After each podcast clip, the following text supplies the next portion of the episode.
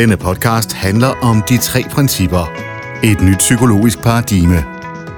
Her deler psykolog Anne Stærk Dickinson og psykoterapeut Belinda Duncan deres erfaringer med, hvordan en ny og enklere forståelse af vores menneskelige sind kan give mere lethed og glæde i livet.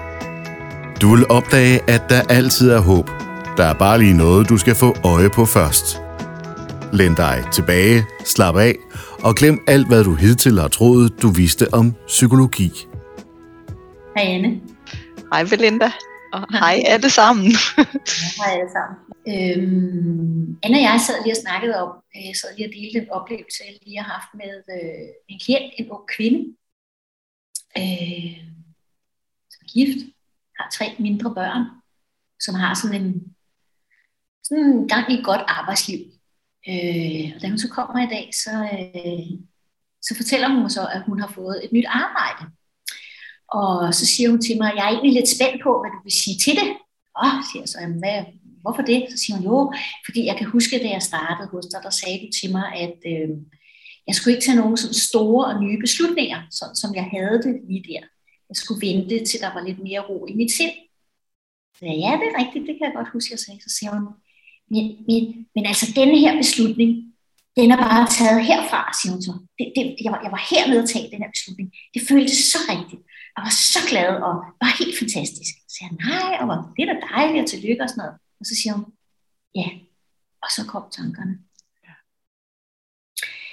Og det hun så delte med mig, som jeg tænker, at rigtig mange af jer skal genkende, det er jo det her med, at så starter tvivlen, så starter den der lille stemme ind i hovedet, ikke? og så er det nu det rigtige, og hvad nu hvis det ikke er det rigtige? Hvad nu hvis jeg ikke kan finde ud af det? Og hvad nu hvis jeg ikke er god nok? Og hvad nu hvis de opdager, at jeg i virkeligheden slet ikke kan noget?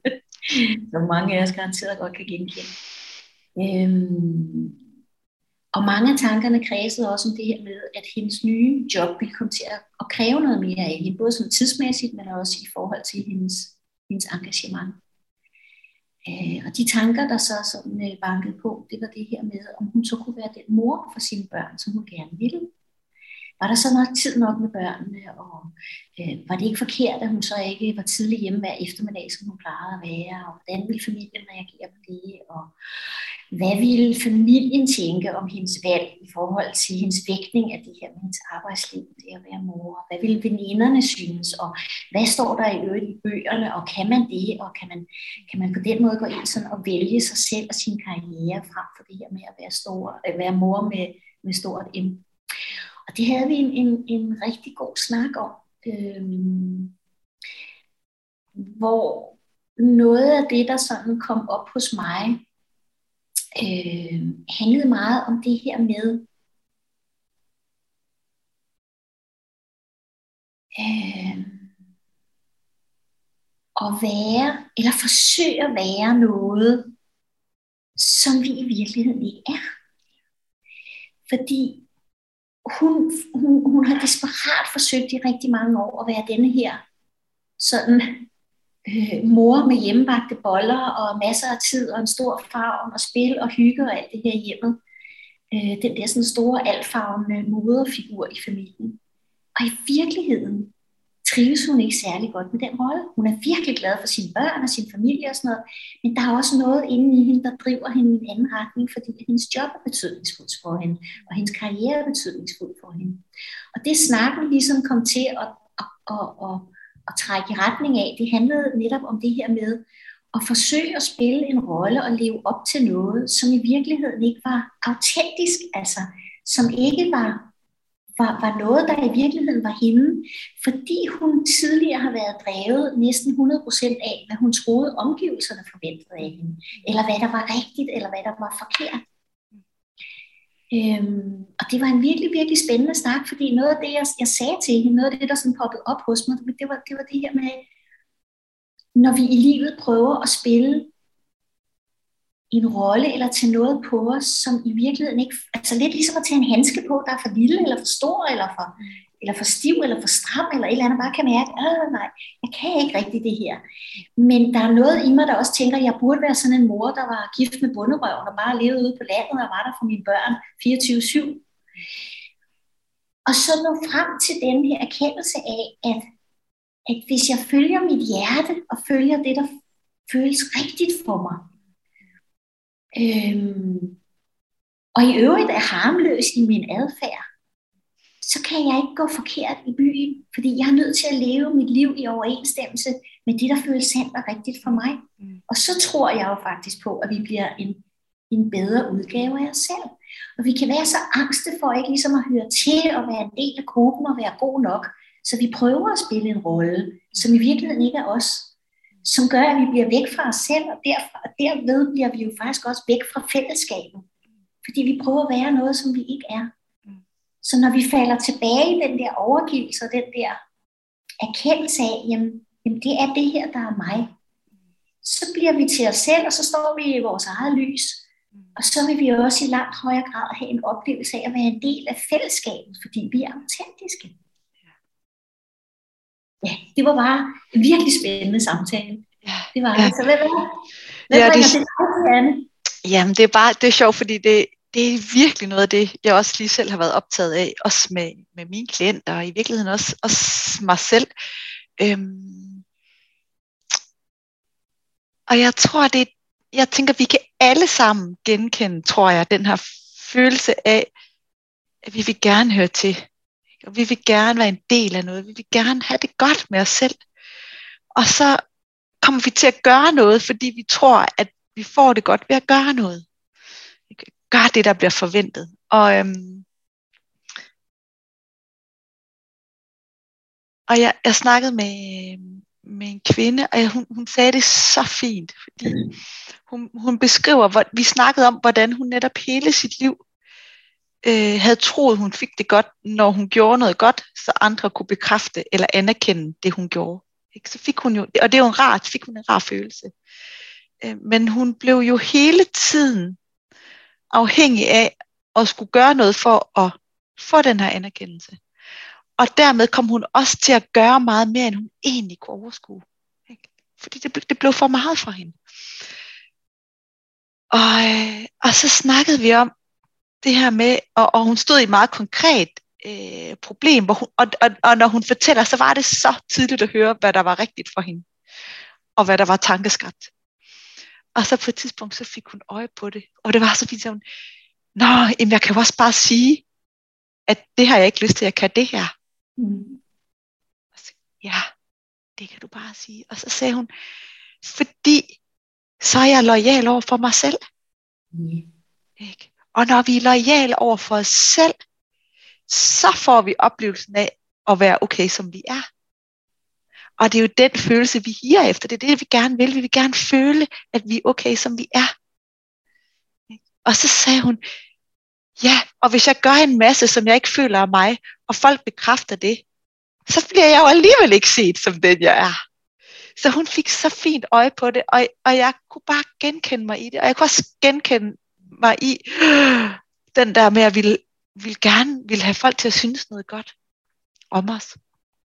Og jeg kan rigtig godt lide øhm, billedet af Michelangelo, altså billedhuggeren, ikke? hvordan han, han har lavet de her skulpturer, hvor han hakker sten af, og så bliver han spurgt om, øh, hvordan, hvordan kan du forestille dig englene inde i den her sten?